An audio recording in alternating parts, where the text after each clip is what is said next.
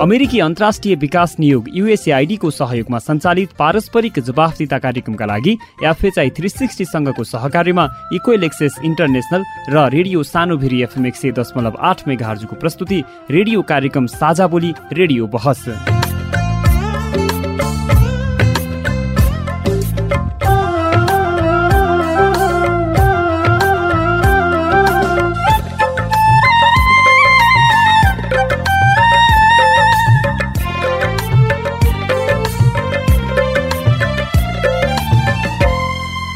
नमस्कार साझा बोली रेडियो बहसमा तपाईँलाई स्वागत छ।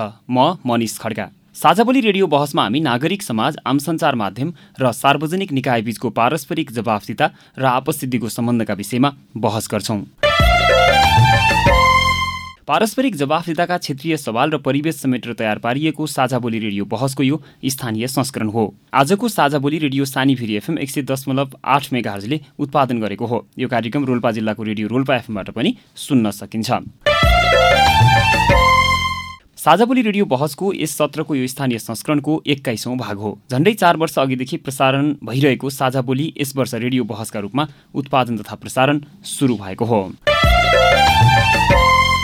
साझाबोली रेडियो बहसको आजको भागमा शैक्षिक गुणस्तर वृद्धिका लागि स्थानीय तहका प्रयासका विषयमा बहस गर्दैछौँ। माध्यमिक तहसम्मको शिक्षाको अधिकार स्थानीय तहमा छ। माध्यमिक तहसम्मको शिक्षाको गुणस्तर कसरी विकास गर्ने शिक्षामा देखिएका समस्याको हल कसरी गर्ने नियमन गर्ने लगायतका शिक्षासँग सम्बन्धित विषयलाई हेर्ने र त्यसलाई हल गर्ने मुख्य जिम्मा स्थानीय तहलाई छ। सङ्घीयताको मर्म अनुरूप पहिलो पटक बनेका स्थानीय तहको पहिलो कार्यकाल सकिने लागेको छ। स्थानीय तह बनेपछि शिक्षाको विकासका लागि के प्रयास भएका छन् भनेर आज हामी कार्यक्रममा बहस गर्दैछौँ। झारा टार्ने काम भन्दा पनि स्थानीय तहमा परिणाममुखी कामहरू भएका छन्। निर्वाचित हुनुभन्दा अगाडि स्थानीय स्तरमा हाम्रा विद्यालयहरू अलि अस्तव्यस्त अवस्थामा थिए। प्रत्यक्ष रूपमा आर्थिक भार हाम्रो अभिभावकले खेपिरहेका थिए। निजी स्रोतका शिक्षकहरू भर्ना गर्नुले हाम्रो अभिभावकहरूले पैसा उठाएर पठन पाठनलाई सुरुवात गर्ने जुन खालको एउटा आर्थिक भार बोकेका थिए त्यो पनि स्थानीय सरकार बनिसकेपछि हल भएर गएको छ। सारमा जाँदाखेरि पहिलेको भन्दा विद्यालयहरू गुणस्तर नै बनेका छन्। शिक्षकको आपूर्ति भएको छ। विद्यार्थीहरूले निरन्तर पठन पाठन गर्न पाएका छन्। त्यस्तै शिक्षालाई राम्रो बनाउने प्रयासमा देखिएका चुनौती र अभाव के छन् भन्ने सिधा प्रश्नको सिधा जवाब पनि आज हामी खोजी गर्नेछौँ। यो राम्रो किसिमले बच्चाहरूको सिकाइ अभ्यास र गुणस्तरीय शिक्षा सँगसँगै यो व्यावहारिक शिक्षा हुनुपर्छ भन्ने हाम्रो मान्यता हो। तर स्थानीय सरकार भइसकेपछि जति हुनुपर्ने थियो त्यो चाहिँ भएको हामीले पाएको छैन। अब सामान्य झाडा टाढा जस्तै कतै अलिअलि कार्यक्रमहरू फाटाफुटहरूमा भएको चाहिँ देखिन्छ। साथै शैक्षिक गुणस्तर वृद्धि गर्न अभिभावक विद्यालय तथा सरोकारवालाहरूको भूमिकाका विषयमा पनि चर्चा गर्नेछौँ। गतिलो तरिकाले हुन सकेको छैन र यो समयमा मैले अब त्यस्तो अवसरहरू पाएको छैन। अब सम्भवतः अरू विद्वत व्यक्तिहरू हुनुहुन्छ होला। होइन? तर शिक्षा क्षेत्रमा नीति नियम बनाउँदाखेरि उच्च शैक्षिक संस्थालाई पनि समन्वयन गरेर गर्न सकेको खण्डमा अझ राम्रो हुन्छ जस्तो मलाई लाग्छ। साझा बोली रेडियो बहस अमेरिकी अन्तर्राष्ट्रिय विकास नियोग युएसएआईडी मार्फत अमेरिकी जनताहरूको सहयोगका कारण सम्भव भएको हो। यस कार्यक्रमभित्रका विषयवस्तु र सामग्री पारस्परिक जवाबदेहिता कार्यक्रमका एकल जिम्मेवारी हुन्। र यहाँ प्रस्तुत भनाइले युएसएआईडी वा अमेरिकी सरकारको विचार प्रतिबिम्बित गर्छन् भन्ने जरुरी छैन। रेडियो कार्यक्रम साझा बोलीमा तपाईँलाई फेरि स्वागत छ। शैक्षिक गुणस्तर वृद्धिका लागि स्थानीय तहका प्रयासका विषयमा कुराकानी गर्न यतिखेर कार्यक्रममा उपस्थित भइसक्नु भएको छ। रुकुम पश्चिमको बाँफीकोट गाउँपालिकाका सामाजिक विकास समितिका संयोजक तारा बुढा केसी र सदरमुकाममा रहेको मुसिकोट खलङ्गा बहुमुखी क्याम्पसका प्रमुख बुद्धिप्रसाद गौतम। यहाँहरू दुवैजनालाई रेडियो कार्यक्रम साझा बोलीमा हार्दिक स्वागत छ। धन्यवाद। धन्यवाद। अब हामी विषय प्रवेश गर्छौँ। स्थानीय तह बनेपछि शैक्षिक सुधारका लागि के प्रयास भएका छन्? तपाईँको स्थानीय तहमा केही थाहा छ भनेर सुरुमा हामी एकजना अभिभावकको कुरा सुन्छौँ। त्यसपछि छलफल सुरु गरौँला। म तीर्थ आचार्य रोल्पा नगरपालिका चार लिबाङमा बस्छु। स्थानीय सरकार भइसकेपछि जति आशा अपेक्षा अभिभावकहरूलाई यो राम्रो किसिमले बच्चाहरूको सिकाइ अभ्यास र गुणस्तरीय शिक्षा सँगसँगै यो व्यावहारिक शिक्षा हुनुपर्छ भन्ने हाम्रो मान्यता हो। तर स्थानीय सरकार भइसकेपछि जति हुनुपर्ने थियो त्यो चाहिँ भएको हामीले पाएको छैन। अब सामान्य झाडा टाढा जस्तै कतै अलिअलि कार्यक्रमहरू फाटाफुटहरूमा भएको चाहिँ देखिन्छ। तर प्रभावकारी रूपमा जति हुनुपर्ने त्यो चाहिँ भएको पाएको छैन। म सुरुमा ताराजीकोमा जान्छु। तीर्थजीले भने जस्तै अब यो झारा टार्ने काम भएको हो कि स्थानीय तहमा केही देखिने गरी काम भएका छन् शैक्षिक विकासका लागि? झारा टार्ने काम भन्दा पनि स्थानीय तहमा परिणाममुखी कामहरू पनि नभएका भएका छन्। निर्वाचित हुनुभन्दा अगाडि स्थानीय स्तरमा हाम्रा विद्यालयहरू अलि अस्तव्यस्त अवस्थामा थिए। प्रत्यक्ष रूपमा आर्थिक भार हाम्रो अभिभावकले खेपिरहेका थिए। निजी स्रोतका शिक्षकहरू भर्ना गर्नुले हाम्रो अभिभावकहरूले पैसा उठाएर पठन पाठनलाई सुरुवात गर्ने जुन खालको एउटा आर्थिक भार बोकेका थिए। त्यो पनि स्थानीय सरकार बनिसकेपछि हल भएर गएको छ। हाम्रो थुप्रै शिक्षकहरूको दरबन्दी खडा गरिएको छ प्रत्येक विद्यालयहरूमा। काम नभएका होइनन् थुप्रै भएका हुन्। तपाईँहरूलाई सोद्धाखेरि हामीले गरेका छौँ भनेर भन्नुहुन्छ होइन? तर नागरिकहरूले बाहिर थाहा नपाउनुको पछाडि कारण के छ? तपाईँले कागजी रूपमा मात्रै भन्ने हो कि अथवा देखिने गरी गर्नुभएको छ काम? अलिकति छलफल अन्तर्क्रियाको त कमी नै रह्यो होला। त्यसमा अलिकति अब सबै जनताहरूले सबै अलिकति स्तरमा जन लेभल स्तरमा पुग्ने खालको त्यो खालको छलफलको अभावले पनि सायद अलिकति त्यो कमी रह्यो भन्न सक्ने कुराहरू रहे। तर सारमा जाँदाखेरि पहिलेको भन्दा विद्यालयहरू गुणस्तर नै बनेका छन् शिक्षकको आपूर्ति भएको छ विद्यार्थीहरूले निरन्तर पठन पाठन गर्न पाएका छन् जे होस् पहिलेको भन्दा फरक नै छ। हस् तपाईँले के गरेका छौँ भनेर भन्नुभएको छ के के गर्नुभएको छ त्यसको बारेमा थप विस्तृतमा हामी एकछिनमा छलफल गरौँला। हामीले अरू केही सरोकार राख्ने मान्छेहरूलाई स्थानीय तहले खासमा के कुरामा चाहिँ जोड दिनुपर्छ भनेर सोधेका छौँ उहाँहरूको कुरा सुन्छौँ। त्यसपछि अझ तपाईँलाई सजिलो होला। मेरो नाम विकास केसी शीतल माध्यमिक विद्यालय स्थानीय प्रधान शिक्षाका राष्ट्रिय तहगत उद्देश्य पुरा गर्नका लागि स्थानीय तहका सरकारले स्पष्ट शिक्षा नीतिले कार्यान्वयन गर्नु जरुरी देखिन्छ। यसका साथै स्थानीय सरकारले औपचारिक शिक्षाको मूलधार बाहिर रहेका नागरिकहरूलाई वैकल्पिक शिक्षाको व्यवस्था गर्नुपर्ने देखिन्छ। म दिलकुमारी बुढा परिवर्तन छ विशेष गरेर चाहिँ हाम्रो लगानी भनेको बाल विकासमा चाहिँ लगानी गर्न सक्यो उनीहरूको भविष्यको लागि व्यवहारिक र सैद्धान्तिक शिक्षालाई सँगसँगै लिएर जान सक्यो अझ राम्रो होला अर्को कुरा चाहिँ अब शिक्षक तालिमहरू हुने भयो होइन? पुनर्राजकी तालिमहरू नयाँ तालिमहरू विषयगत हिसाबमा चाहिँ तालिमहरूको व्यवस्था चाहिँ गर्न सकियो भने शैक्षिक विकासको लागि राम्रो हुन्छ जस्तो लाग्छ मलाई। ताराजी उहाँहरूले आशा गरे अनुसारका काम स्थानीय तहले गर्न सक्ने आधारहरू देखिएका छन् अहिले। हजुर छ सर। शिक्षालाई गुणस्तर बनाउनको निम्ति जुन खालको पहिला एउटा बहुकक्षीय शिक्षा सञ्चालन भएको थियो यसलाई पनि हामीले शिक्षक दरबन्दी खडा गरेर बहुकक्षा भनेको शिक्षक नपुगेर दुई वा दुईभन्दा एक वा एकभन्दा बढी कक्षाका विद्यार्थीलाई एउटै ठाउँमा राखेर पढाइराखेको हजुर। यसको समस्याको हल गरेका छौँ र यस्तै गरी थुप्रै व्यवस्थापन राम्रो भएको छ। एकदेखि तिन कक्षासम्मको विद्यार्थीहरूलाई पोसाकको पनि व्यवस्था गरिएको छ। र नि परीक्षा सञ्चालन गरिएका छन्। अनि अभिभावकहरूले आर प्रत्यक्ष रूपमा खेपिरहेको आर्थिक भार कम भएको कमभन्दा पनि सबै हटाएरै गएको छ। यसको सबै भारभरि गाउँपालिका सरकारले बेहोरिरहेको छ। थुप्रै यस्तै खालका वडा स्तरमा पनि वडा शिक्षा समिति मार्फत त्यहाँ विद्यालयहरूमा नियमित अनुगमन अन्तर्क्रिया जस्तो पनि भइरहेको छ। तर यहाँहरू नि शुल्क भनेको शिक्षा पनि अझै नि शुल्क हुन सकेका छैन भनेर गुनासाहरू पनि आइराखेका हुन्छन् बेला बेलामा यसतर्फ चाहिँ के ध्यान दिनुभएको छ? यस्ताप्रति हामीले हाम्रो सरकारको तर्फबाट नि शुल्क नै छन्। खास हामीले त्यहाँ अभिभावकहरूलाई विद्यार्थीहरूलाई विद्यालयमा त्यस्तो खालको ऋण लगाउने काम हाम्रो सरकारबाट त्यो बिल्कुलै त्यो समस्या हटेर गएको छ त्यसको व्यवस्था गरिएको छ। हजुर शिक्षक क्षमता विकासको कुरा पनि उठ्छ बेला बेलामा होइन? हाम्रा यी शिक्षकहरूले अहिले भएका शिक्षकहरूले दिएको शिक्षाले चाहिँ हाम्रा कस्ता विद्यार्थीहरू उत्पादन हुन्छन् तिनले चाहिँ भोलिका दिनमा हाम्रो शिक्षाको चाहिँ भार चाहिँ थेक्न सक्दैनन् भन्ने गुनासोहरू पनि आइरहेको छ। यसतर्फ कतिको ध्यान दिनुभएको छ? भोलिका दिनहरूमा प्रवृत्तिमय बनाउन खोजिएको खास गरी त्यस्ता भारहरू नेपाल सरकारले अथवा स्थानीय सरकारले मात्रै गरेर सम्भव हुँदैन।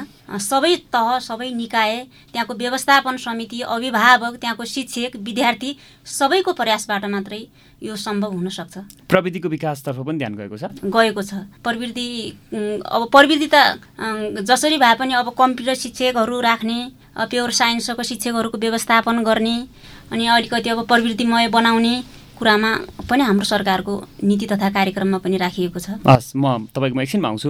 म बुद्धि जान्छु। लामो समयदेखि यहाँ यो शिक्षासँग नजिक हुनुहुन्छ होइन? आफै शिक्षण पेसामा चाहिँ लामो समयदेखि हुनुहुन्छ। र अहिले एउटा जिल्लाको पुरानो शैक्षिक संस्था त्यसको चाहिँ नेतृत्व गरिराख्नु भएको छ। तल्लो तहको विद्यार्थीको बेसलाई चाहिँ आधारलाई चाहिँ बलियो बनाउन के हुनु पर्थ्यो खासमा? अहिले त्यो भइराखेको छ कि छैन? माध्यमिक तहसम्मको बालबालिकाहरूको शिक्षालाई प्रबन्धन गर्नको लागि अब सबैको जोइन्ट रिपोर्ट आवश्यक हुन्छ। संयुक्त प्रयास प्रयत्न बिना यो गुणस्तरीय शिक्षा सम्भव छैन। अब विगत को चाहिँ शिक्षाको स्तर र अहिलेको शैक्षिक स्तरलाई हेर्दाखेरि अब प्रविधि विकास सँगसँगै अब शिक्षामा परिवर्तनहरू नभएका होइनन्।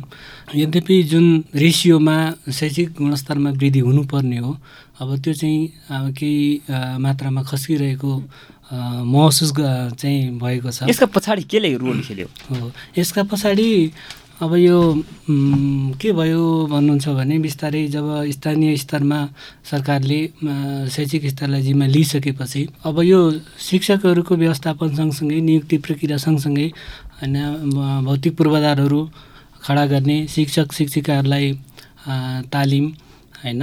र उनीहरूको दक्षता अभिवृद्धि गर्नको लागि पनि त्यस्ता चाहिँ कार्यक्रमहरू सँगसँगै लैजानु पर्थ्यो। अब त्यो पनि प्रयत्नहरू त भएको होला म्याडमलाई धेरै कुरा ज्ञात होला। अब त्यसलाई चाहिँ प्रबन्धन गर्नु जरुरी छ। र नैतिक शिक्षा अनुशासनको शिक्षा अब हामी चाहिँ गुणस्तरीय भन्ने बित्तिकै फर्स्ट सेकेन्ड थर्ड र शिक्षासँग मात्रै जोडिन्छौँ।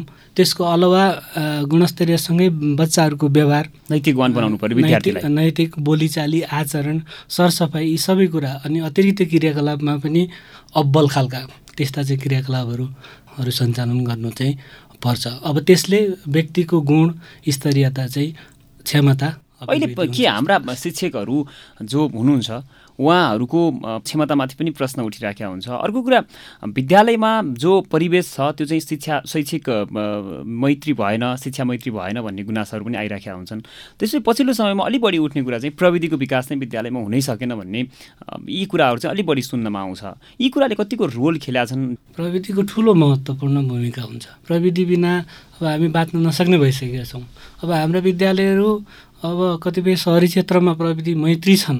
होइन? सहरी क्षेत्रमा पनि अब फेरि प्रविधि मैत्री केलाई भन्ने पनि होला होइन सर? हजुर यो परिभाषा कसरी दिने यसलाई चाहिँ? प्रविधि केलाई भन्ने? कम्प्युटर राख्ने र कम्प्युटर देखाउने कुरालाई मात्रै प्रविधि भन्ने हो कि? अथवा इन्टरनेट जोडेको कुरालाई डिजिटल हाजिरी जोडेको कुरालाई चाहिँ प्रविधि भन्ने कि? अथवा के कुरालाई प्रविधि भन्ने कुरा पनि अहिले चाहिँ ठ्याक्कै यसलाई के भन्ने भन्ने परिभाषा पनि अलिक भेट्नका मुस्किलै पर्छ।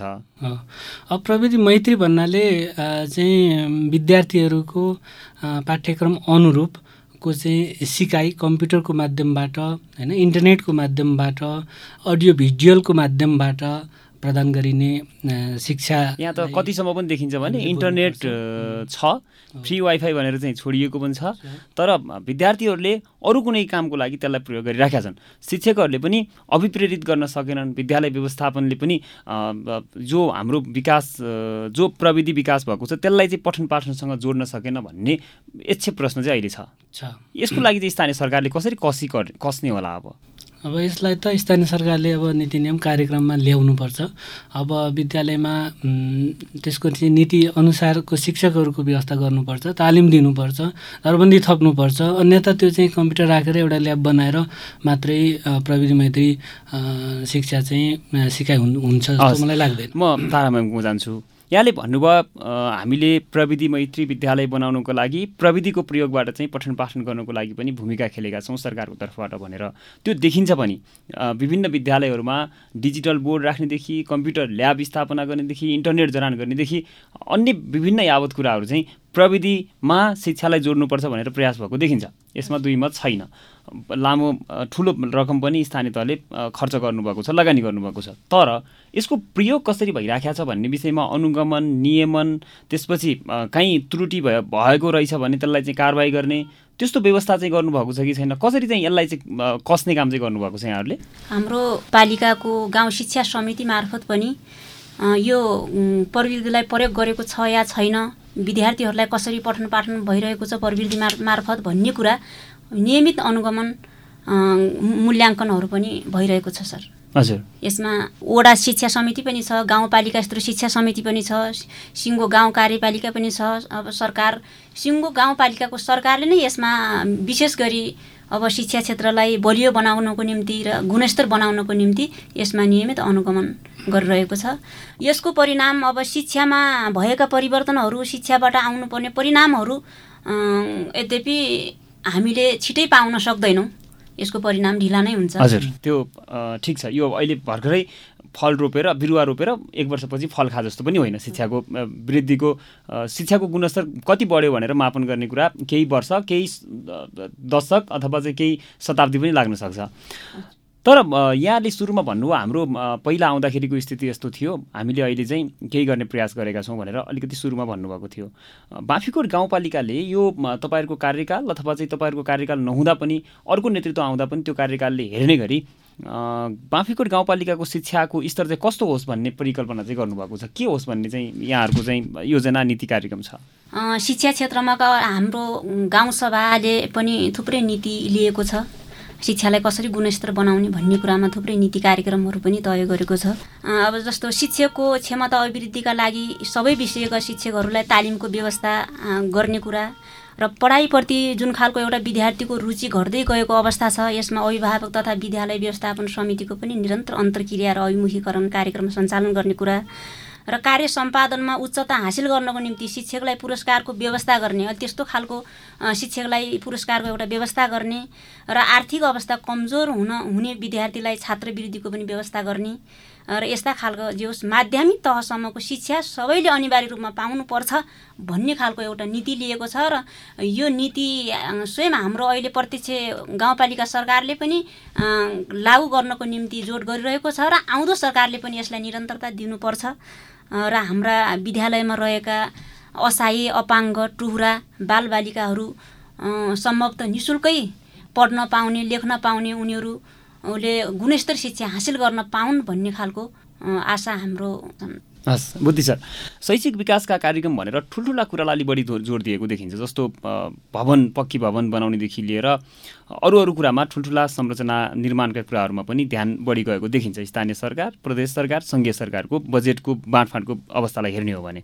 तर साना कुराले जसले चाहिँ एउटा बालबालिकालाई विद्यालय गइराखौँ भन्ने वातावरण बनाउनको लागि कक्षा कोठामा बसिसकेपछि पढिराखौँ साँझ चार बजेसम्म बसिराखौँ भन्ने वातावरण बनाउनको लागि र विद्यालयमा गएपछि केही नयाँ कुरा सिकेर आउने चाहिँ ग्यारेन्टी हुन्छ भन्नुको लागि चाहिँ स्थानीय तहले ठ्याक्कै के कुरामा अब चाहिँ जोड दिनुपर्छ? अब यो अति नै महत्त्वपूर्ण कुरा उठाउनु भयो अब बालबालिकालाई विद्यालय चाहिँ आफ्नो घर जस्तो बनाउन सक्नुपर्छ। जब घरमा बाबुआमाले छोराछोरीलाई जस्तो व्यवहार गर्छन् एउटा शिक्षक पनि बाबुआमाको रूपमा रहन सक्नुपर्छ र त्यो विद्यार्थीलाई आफ्नो छोराछोरीको रूपमा रहने वातावरण चाहिँ हुन सक्नुपर्छ। त्यसमा स्थानीय तहले ध्यान दियोस्। मेरो अनुरोध छ। अब यसको लागि गर्नुपर्ने कामहरू धेरै छन्। गर्नुपर्ने कामहरू अब सबभन्दा पहिला त त्यो अनुभूति शिक्षकहरूलाई चाहिँ दिन सक्नुपर्छ। अब त्यो तालिमको माध्यमबाट हुन्छ प्रोत्साहनको माध्यमबाट हुन्छ। अब उहाँ जो चाहिँ अब विद्यालयमा शिक्षकहरू नियुक्ति गाउँपालिकाले गर्छ स्थानीय तहले गर्छ उहाँहरूलाई त्यस्तो चाहिँ अब नियुक्ति गर्ने बित्तिकै विद्यालयमा पठाउनुको सट्टा केही समय चाहिँ त्यस्तो तालिम दिएर होइन? ती साना साना कुराहरू। अब हामी हाम्रो एज अ अभिभावकको रूपमा हामीले के चाहन्छौँ भन्दाखेरि हाम्रा बालबच्चाहरूले फोहोर नगरून् नाकमा सिगान नराखुन् होइन? अनि फोहोर भएपछि हात धुन् त्यस्तो बानी व्यवहार बाबुआमाले चाहन्छ। र एउटा आधारको कुरा सम्मानको कुरा चाहन्छ ठुलो परिवर्तन अभिभावकले चाहेको हुँदैन। स्कुल जाने बित्तिकै चाहिँ इङ्ग्लिसबाट बोर्डिङ जाने बित्तिकै इङ्ग्लिसबाट बोल्ने स्कुल जाने बित्तिकै अरू आधार सम्मानका कुराहरू गर्ने होइन? सोच्दैन। साना साना कुराहरूमा परिवर्तनमा ध्यान दिनुपर्छ। जब बच्चालाई एज अ बच्चालाई जब चाहिँ आधार विद्यालयको रूपमा चाहिँ आधारमा स्कुलमा शिक्षा दिइन्छ अथवा फाउन्डेसनका कुरा गरिन्छ तल्लो तहको बानीहरू आचरणमा चाहिँ सुधार गर्न सकिन्छ भने त्यो बच्चाको बानी फर्मेसन हेबिट फर्मेसन बानीमा सुधार हुँदै जान्छ। यसको लागि संरचना त चाहियो नै चाहियो। चाहियो। होइन चिटिक्क परेको वातावरण चाहिँ हुनु नै पर्यो। चाहियो। पठन पाठन मैत्री वातावरण कक्षा कोठाको बसाइ व्यवस्थापन हुनै पर्यो। तर त्योभन्दा अझ महत्त्वपूर्ण कुरा त के छ भने शिक्षकहरूले कसरी ह्यान्डल गर्छन् विद्यालय व्यवस्था विद्यालय कसरी सञ्चालन हुन्छ र त्यसले चाहिँ उद्देश्य के राख्छ भन्ने कुरा महत्त्वपूर्ण रह्यो अब। एकदम रह्यो। एकदम रह्यो र त्यो अनुगमन स्थानीय तहकोले अनुगमन चाहिँ शिक्षकले विद्यार्थीहरूसँग विद्यार्थी मैत्री सिकाइ शिक्षण सिकाइ हुन्छ हुँदैन। त्यसमा अनुगमन जरु गर्नु जरुरी छ। अब बच्चाले के अरे शिक्षकले हामी के हेर्छौँ भन्दाखेरि शिक्षकले के पढाउँछ अथवा पढाउँदैन कक्षामा जान्छ अथवा जान्दैन भन्ने कुरामा हाम्रो ध्यान गएको छ। तर के सिकाउँछ भन्ने कुराले बढी महत्त्व उपस्थितिलाई फोकस दिइयो। उसले के योगदान गरेका छ कसरी सिकाइराखेको छ भन्ने कुरामा अलिक ध्यान दिन जान ध्यान जान सकेन। हो। अब त्यसैले शिक्षक के हुनुपर्छ भन्दाखेरि अभिभावकको रोलमा हुनुपर्छ। हामी चाहिँ जसरी घरलाई पहिलो विद्यालय भन्छौँ होइन? त्यसरी नै विद्यालयलाई पनि घर जस्तो बच्चाको लागि घर जस्तो बनाउनु जरुरी छ। माया ममताले मात्रै शैक्षिक गुणस्तर आउन सक्छ। दण्ड र सजायले यो सम्भव हुन्छ जस्तो मलाई लाग्दैन। हामी चुनौतीमा अब जान्छौँ एकछिनमा। तपाईँ अहिले पारस्परिक जवाफदिता प्रवर्धनका लागि साझा बोली रेडियो बहस सुन्दै हुनुहुन्छ। हामी कुरा गरिरहेका छौँ शैक्षिक गुणस्तर वृद्धिका लागि स्थानीय तहका प्रयासका बारेमा। हामीसँग हुनुहुन्छ रुकुम पश्चिमको बाँफीकोट गाउँपालिकाका सामाजिक विकास समितिका संयोजक तारा बुढा केसी र सदरमुकाममा रहेको मुस्सिकोट खलङ्गा बहुमुखी क्याम्पसका प्रमुख बुद्धिप्रसाद गौतम। यतिन्जेल हामीले शैक्षिक विकासका लागि स्थानीय तहले गरिरहेका प्रयासका बारेमा छलफल गरेका छौँ। स्थानीय तहले प्रयास गरिरहेको र यसलाई अझै बढाउँदै लैजानुपर्छ भन्नेमा हामी सहमत भएका छौँ। साझा बोली रेडियो बहसमा अझै हामी शैक्षिक विकासमा देखिएका चुनौती र त्यसलाई कसरी हल गर्न सकिएला भनेर छलफल गर्नेछौँ। हामीसँगै रहनुहोला।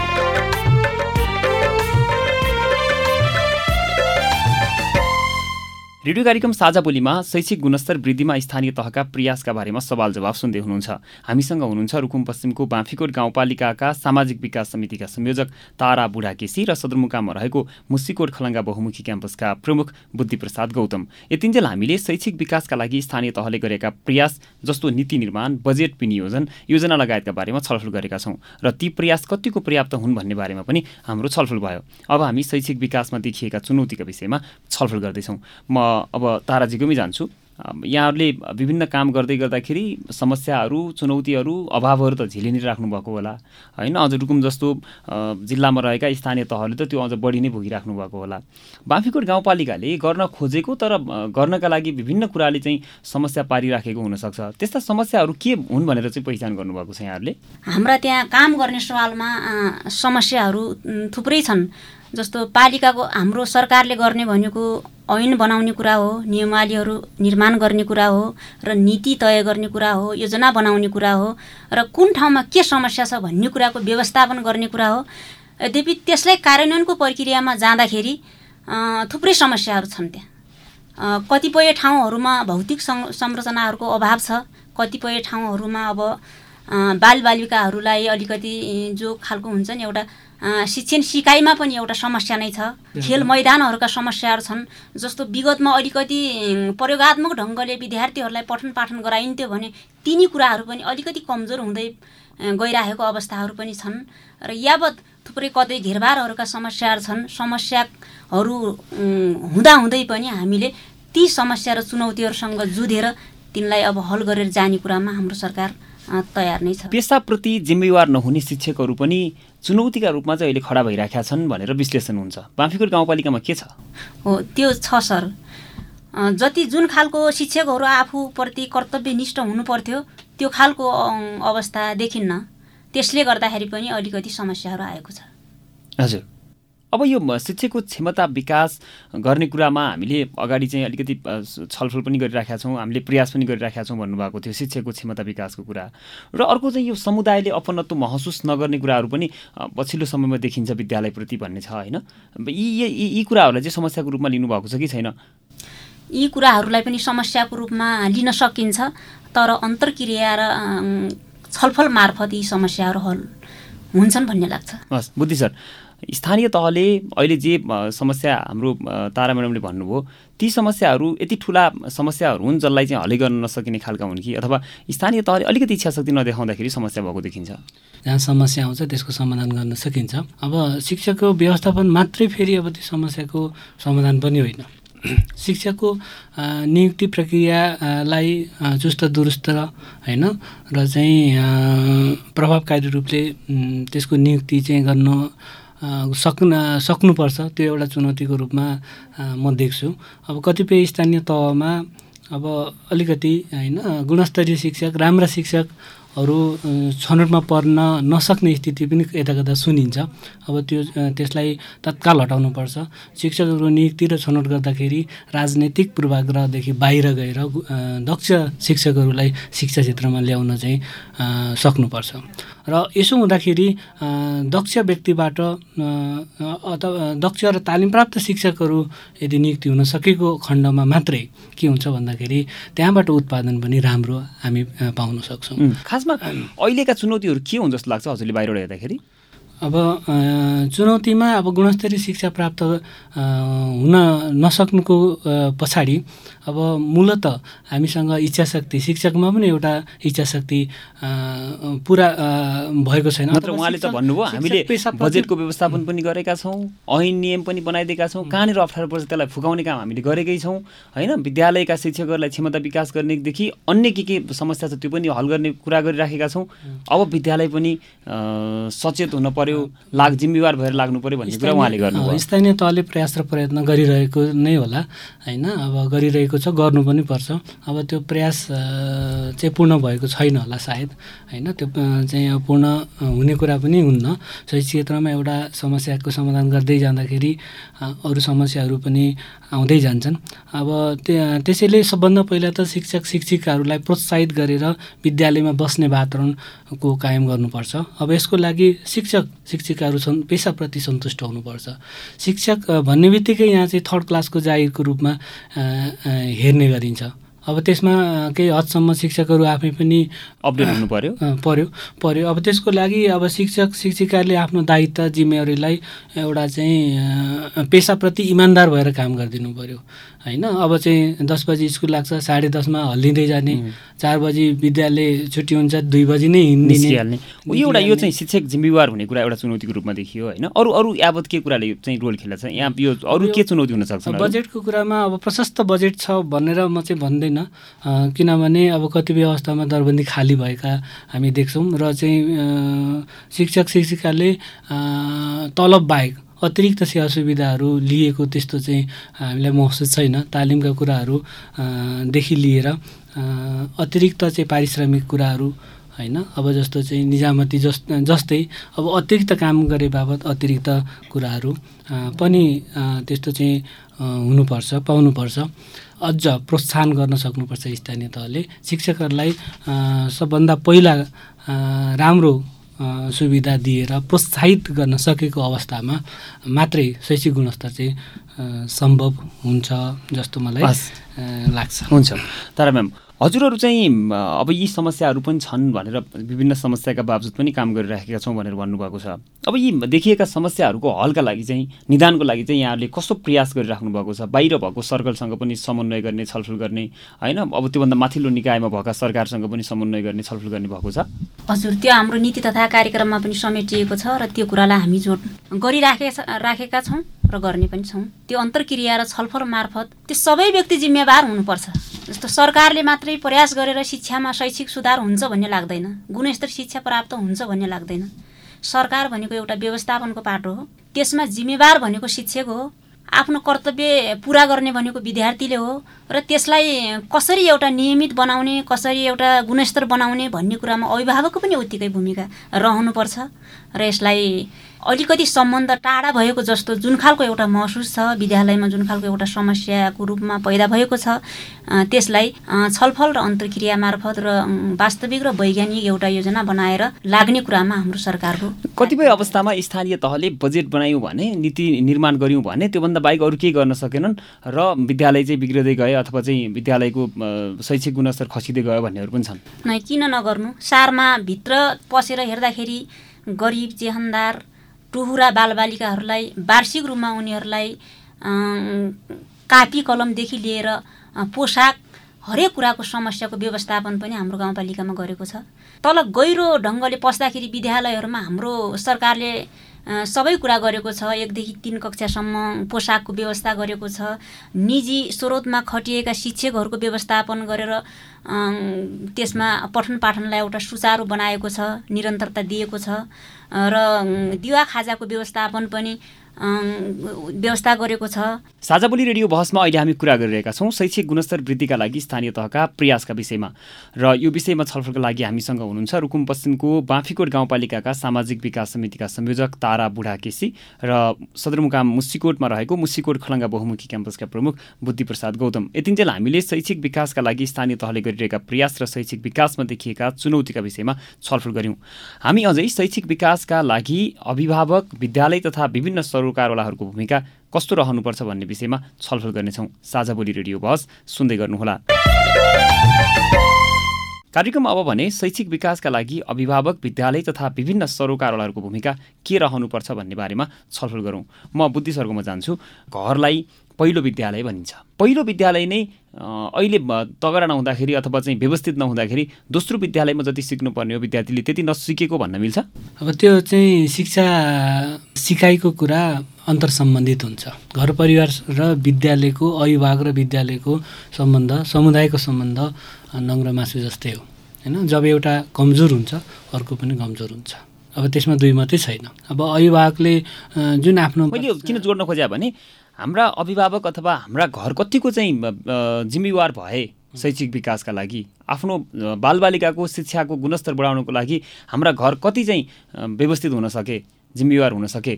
अब यो चाहिँ घर परिवारको कुरा गर्दाखेरि अब कतिपय अभिभावकले आफ्नो बच्चा बच्चीको चाहिँ एकदमै बढी रेखदेख गर्नुहुन्छ। अब कतिपय घर परिवारहरू विद्यालयमा भर पर्नुहुन्छ होइन त्यो अभिभावकको शिक्षा जागरुकता। हुनुपर्ने चाहिँ कस्तो थियो? के हो अथवा? अब हुनुपर्ने त अभिभावकले आफ्नो बालबच्चाहरूले विद्यालयमा के पढ्छन् कति पढ्छन् होइन कस्ता आचरण संस्कारहरू सिकिरहेका हुन्छन्। अब त्यसको अपडेट हुनु जरुरी हुन्छ। जब आफ्नो बच्चाको बारेमा सही अनुगमन रेखदेख नियन्त्रण हुन गर्न सकेन भने अब त्यस्तो चाहिँ अभिभावकहरूको बालबच्चा पनि अब गलत बाटोमा जान सक्ने खतराहरू हुन्छन्। त्यसैले अभिभावकले आफ्नो बालबच्चाको दैनिक दैनिक रेखदेख र अनुगमन होइन? र चाहिँ विद्यालयप्रतिको चाहिँ विद्यालयमा सिक्ने सिकाउने सिकाइका कुराहरूसँग छलफल अन्तर्क्रिया गर्नु जरुरी छ। अभिभावकहरू पनि विद्यालयप्रति नजिक नभएको भन्न मिल्छ? विद्यालयप्रति अब अब त्यसको चाहिँ अब एब्सोल्युट एन्सर त नहोला होइन? भनेको आममा कुरा गर्दाखेरि अभिभावकले जसरी विद्यालयमा गएर त्यहाँ देखिएका समस्या बुझ्नेदेखि लिएर त्यसलाई कसरी हल गर्नेसम्म हल गर्ने भन्नेसम्मको बारेमा चाहिँ बुझ्ने कहिलेकाहीँ बहस गर्ने विद्यालयसँग चाहिँ अन्तर्क्रिया गर्ने छलफल गर्ने सहयोग गर्ने त्यस्तो हुन सकेको छ कि छैन? अहिले त्यस्तो चाहिँ देखिन्छ देखिन्न। विद्यालयमा त विद्यालय व्यवस्थापन समिति सञ्चालक समिति हुन्छ छ। अब त्यो त्यसैको लागि नै हो। विद्यालय व्यवस्थापन भनेको भौतिक व्यवस्थापनसँग मात्रै जोडिँदैन। शैक्षिक व्यवस्थापनसँग पनि जोडिन्छ। अब विद्यालयमा अभिभावकहरूको चाहिँ अब कतिपय अभिभावकहरू आइराख्नुहुन्छ सल्लाह सुझाव दिनु नै हुन्छ पक्कै पनि। र कतिपय अभिभावकहरू आफ्नो कार्य व्यस्तताको कारणले होइन सरहरूसँग चाहिँ अब भौगोलिक विकटता पनि होला। त्यो कारणले अब दैनिक डे टु डे नभए पनि अब आउनुपर्छ आइसकेर आवश्यक सल्लाह सुझावले मात्रै गुणस्तरमा अभिवृद्धि हुनसक्छ शैक्षिक क्षेत्रमा सुधार चाहिँ हुनसक्छ। अब स्वयं विद्यालय प्रशासनको पनि के दायित्व रहन्छ यसमा अब? आफूलाई अपग्रेड गर्दै लैजाने विषयमा? एकदम रहन्छ होइन? अब चाहिँ शैक्षिक क्षेत्रमा शिक्षा दिने कुराहरू लिने कुराहरू दिने कुरा नलिकन दिने सकिँदैन। शिक्षा दिने भनेको चाहिँ जब अध्ययन अनुसन्धान थपिँदै जान्छ तालिमहरू प्राप्त हुँदै जान्छ नयाँ कुराहरू आफूमा चाहिँ प्राप्त हुँदै जान्छ भने त्यो कुरा बाँड्ने हो। त्यो भोग चाहिँ विद्यालयले आफैले जगाउन सकेका छन् कि छैनन् अहिले? हो विद्यालयहरूले अब जो जुन जनताको अभिभावकको आशा अपेक्षा छ होइन सो अनुरूप त छैन। सो अनुरूप छैन तर चाहिँ अब शिक्षकहरूले पनि आफ्नो तर्फबाट लागि नै रहनु भयो होला तर चाहिँ अभिभावकको अपेक्षा अनुरूपको चाहिँ शैक्षिक गुणस्तर कायम चाहिँ हाम्रो गाउँ समाजमा। यहीँ यहीँ अब कुरा आउँछ। अब यहीँ चाहिँ अब विद्या विद्यालयलाई जवाबदेही बनाउने होइन? विद्यालयको चाहिँ शिक्षक विद्यार्थीहरूको नियमित अनुगमन। होइन? यो एकदमै मूल्याङ्कन अनुगमन मूल्याङ्कनलाई चाहिँ प्रभावकारी रूपले सञ्चालन गर्नुपर्छ। अब वर्षमा एकचोटि गएर यो अनुगमन हुन सक्दैन। यसलाई फलोअप पनि गरिराख्नुपर्छ। समय समयमा चाहिँ त्यो आवश्यक दिएका सल्लाह सुझावहरू कार्यान्वयन भइ भएनन् भन्ने कुरा चाहिँ त्यसको निरन्तर मूल्याङ्कन गर्नु नसियत दिने अभ्यासले चाहिँ कतिको यसमा चाहिँ राम्रो भूमिका नसियत नसियत त अब दिने भन्दा पनि प्रोत्साहन गर्ने कार्यक्रमहरू बढी ल्याउनुपर्छ। मलाई त्यस्तो लाग्छ। हामीले कुरा गर्दाखेरि अब अभिभावक पनि जिम्मेवार बन्न पर्छ। प्लस विद्यालय आफैले पनि आफ्नो विद्यालयको शैक्षिक गुणस्तर विकास गर्नका लागि भोग जगाइराख्नुपर्छ। र कहाँनिर चाहिँ अभाव हो कहाँनिर अफुग हो त्यो कुरामा चाहिँ कहाँनिर अप्ठ्यारो परेको त्यो कुरामा गुहार्ने भनेको सरकारलाई हो सरकारलाई गुहार्नुपर्छ भन्ने विषयमा हामी लगभग हाम्रो छलफलमा सहमत भएका छौँ। अब बाँफीकोट गाउँपालिकाले चाहिँ अभिभावकहरूको चाहिँ अन्तक्रिया त्यसपछि विद्यालयसँगको सम्बन्धलाई चाहिँ कसरी अगाडि बढाइराखेको छ? विद्यालय व्यवस्थापन समिति अभिभावक र शिक्षकहरूको जुन खालको एउटा सम्बन्ध नजिक बनाउनको निम्ति हाम्रो सरकारले विभिन्न खालका छलफल अन्तर्क्रियाहरू मार्फत अगाडि बढिरहेको छ र बढिरहनेछ अभिभावकहरूलाई कसरी जिम्मेवार बनाउँदै हुन्छ सुरुमा अभिभावकहरू जाउँ न। अभिभावकहरूलाई जस्तो आफ्नो बालबच्चा विद्यालयमा गइसकेपछि उसको हिजोको कस्तो थियो पढाइ र उसले अहिले के सिकेर आयो र ऊ के गर्न विद्यालयमा जाँदैछ र त्यसमा आमा बुवाले के भूमिका निर्वाह गर्नुपर्छ भन्ने कुराको जिम्मेवारी अभिभावकहरूलाई बनाउन जरुरी छ भने यहाँले एकपटक चुले बैठकको नीति पनि ल्याउनु भएको थियो होइन।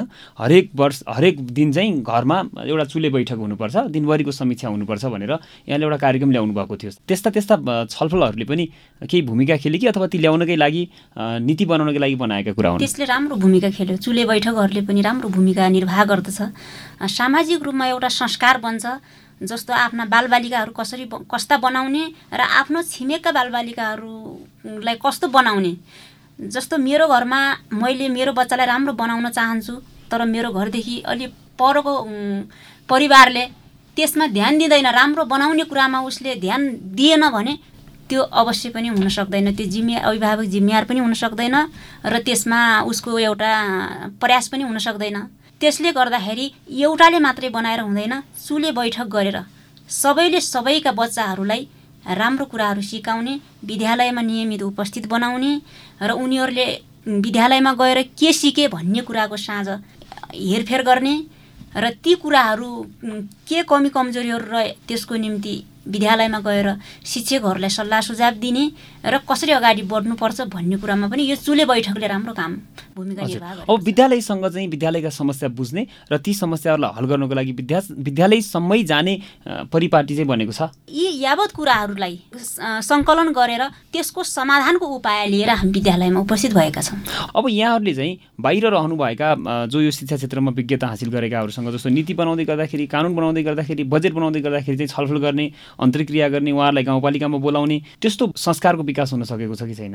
त्यसको त्यो माध्यम पनि बनेको छ सर। हामीले नीति निर्माणको कुरामा सरकार मात्रै बसेर बनाएका छैनौँ। हामीले टोल स्तरमा बस्ती स्तरमा पुगेर अनि त्यसमा सबैको समावेश गरेर विद्यालय स्तरबाट प्रशासनिकको तर्फबाट शिक्षकहरूलाई उपस्थित बनाउने कुरा व्यवस्थापन समितिका सदस्यहरूलाई उपस्थित बनाएर अभिभावकहरूलाई उपस्थित बनाएर मात्रै हामीले त्यो विद्यालयको कार्ययोजना तय गरेका छौँ। सरकारले मात्रै त्यो योजना तय गरेको छैन कि सबैको सल्लाह सुझाव र परामर्शबाट मात्रै हामीले योजनाहरू तर्जुमा गरेका छौँ। हस्।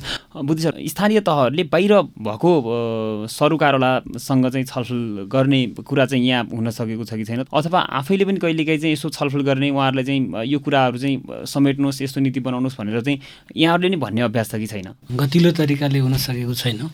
र यो समयमा मैले अब त्यस्तो अवसरहरू पाएको छैन।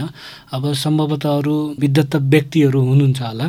होइन? तर शिक्षा क्षेत्रमा नीति नियम बनाउँदाखेरि उच्च शैक्षिक संस्थालाई पनि समन्वयन गरेर गर्न सकेको खण्डमा अझ राम्रो हुन्छ जस्तो मलाई लाग्छ। यहाँ आफैले पनि त्यो गर्नतिर चाहिँ ध्यान नपुग्या हो कि अथवा चाहिँ यो आवश्यक नठानेर हो कि? त्यो पनि छ अब त्यो चाहिँ शैक्षिक क्षेत्रमा पनि शिक्षकहरू सबै चाहिँ अब हुन्छन् भन्ने कुरा त भएन। अब आलोचनाको पाटो पनि अब चाहिँ हुन्छ। तर हामीलाई जानकारी चाहिँ अब हुनु पऱ्यो अब स्थानीय तहले जानकारी दिनु पऱ्यो सहयोग माग्नु पऱ्यो हामी एकदम यसको लागि तयार छौँ।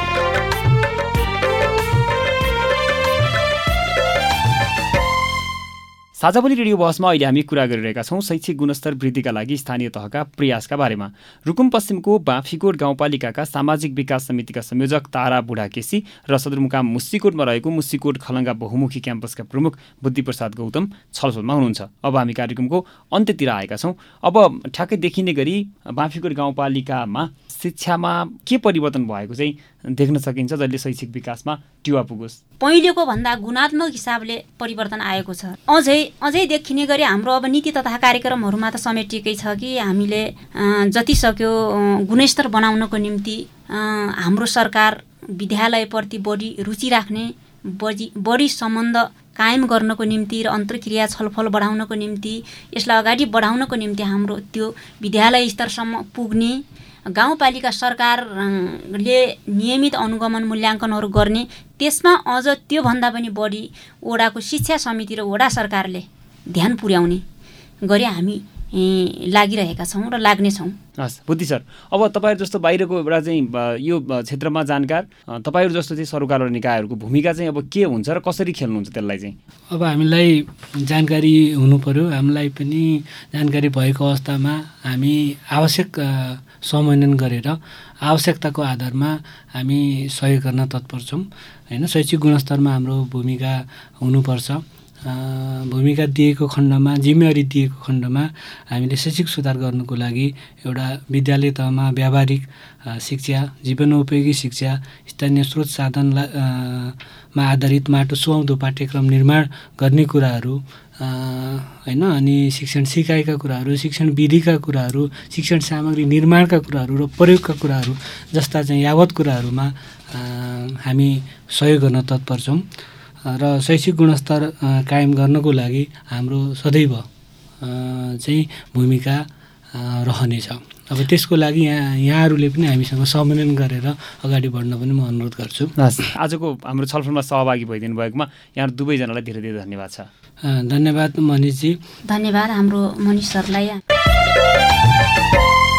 हामी साझाबोली रेडियो बहसको अन्त्यमा आइपुगेका छौँ। साझाबोली रेडियो बहसबारे मनका कुरा भन्नको लागि एनटिसीको मोबाइल वा ल्यान्डलाइन फोन प्रयोग गर्नुहुन्छ भने सोह्र साठी शून्य एक शून्य शून्य चार पाँच नौ नम्बरमा फोन गर्न सक्नुहुन्छ। त्यस्तै एनसेल प्रयोग गर्नुहुन्छ अन्ठानब्बे शून्य पन्ध्र एकहत्तर शून्य उनातिसमा फोन गर्नुहोला। यी दुवै नम्बरमा फोन गरेको पैसा लाग्दैन र प्राप्त निर्देशन अनुसार प्रश्न सोध्न सकिन्छ। पारस्परिक जवाफदिताबारे आफूले देखे सुने या भोगेको कुनै कुरा लेख मार्फत व्यक्त गर्न चाहनुहुन्छ र अरूले लेखेका लेखहरू पढ्न चाहनुहुन्छ भने W W W dot M MERO dot NET पनि लगइन गर्न सक्नुहुन्छ। साझा बोली रेडियो बहस तपाईँले मेरो रिपोर्ट वेबसाइट पोडकास्ट च्यानल र सामाजिक सञ्जालहरूमा पनि सुन्न सक्नुहुन्छ। हवस् त आजको साझा बोली रेडियो बहसबाट अब विदा हुने बेला भयो। शैक्षिक गुणस्तर वृद्धिका लागि स्थानीय तहका प्रयासका विषयमा आज हामीले कुराकानी गऱ्यौँ। आजका हाम्रा अतिथि रुकुम पश्चिमको बाँफीकोट गाउँपालिकाका सामाजिक विकास समितिका संयोजक तारा बुढा केसीले गाउँपालिकाले शैक्षिक विकासका लागि नीति निर्माणदेखि बजेटको व्यवस्था गरिरहेको शिक्षकको व्यवस्थापनदेखि भौतिक संरचना निर्माणसम्ममा गाउँपालिकाको ध्यान गएको र आगामी दिनमा सबै निकायसँगको समन्वयमा शैक्षिक विकासका थप योजना अगाडि बढाउन प्रयास गर्ने प्रतिबद्धता व्यक्त गर्नुभयो। त्यस्तै अर्का अतिथि मुसिकोट खलङ्गा बहुमुखी क्याम्पसका प्रमुख बुद्धि प्रसाद गौतमले शैक्षिक विकासका लागि बाहिरबाट हुन सक्ने सहयोग गर्ने वचन दिनुभएको छ। आशा छ यी प्रतिबद्धताहरू पुरा हुनेछन्। यतिन्जेल ध्यान दिएर कार्यक्रम सुन्नुभएकोमा तपाईँलाई धन्यवाद। आगामी हप्ता पनि आजको जस्तै समयमा सार्वजनिक जवाफसिताको अर्को विषय लिएर आउनेछौँ। सुन्न नबिर्सिनुहोला। आजको कार्यक्रमबाट भने म मनिष बिदा भएँ। नमस्कार।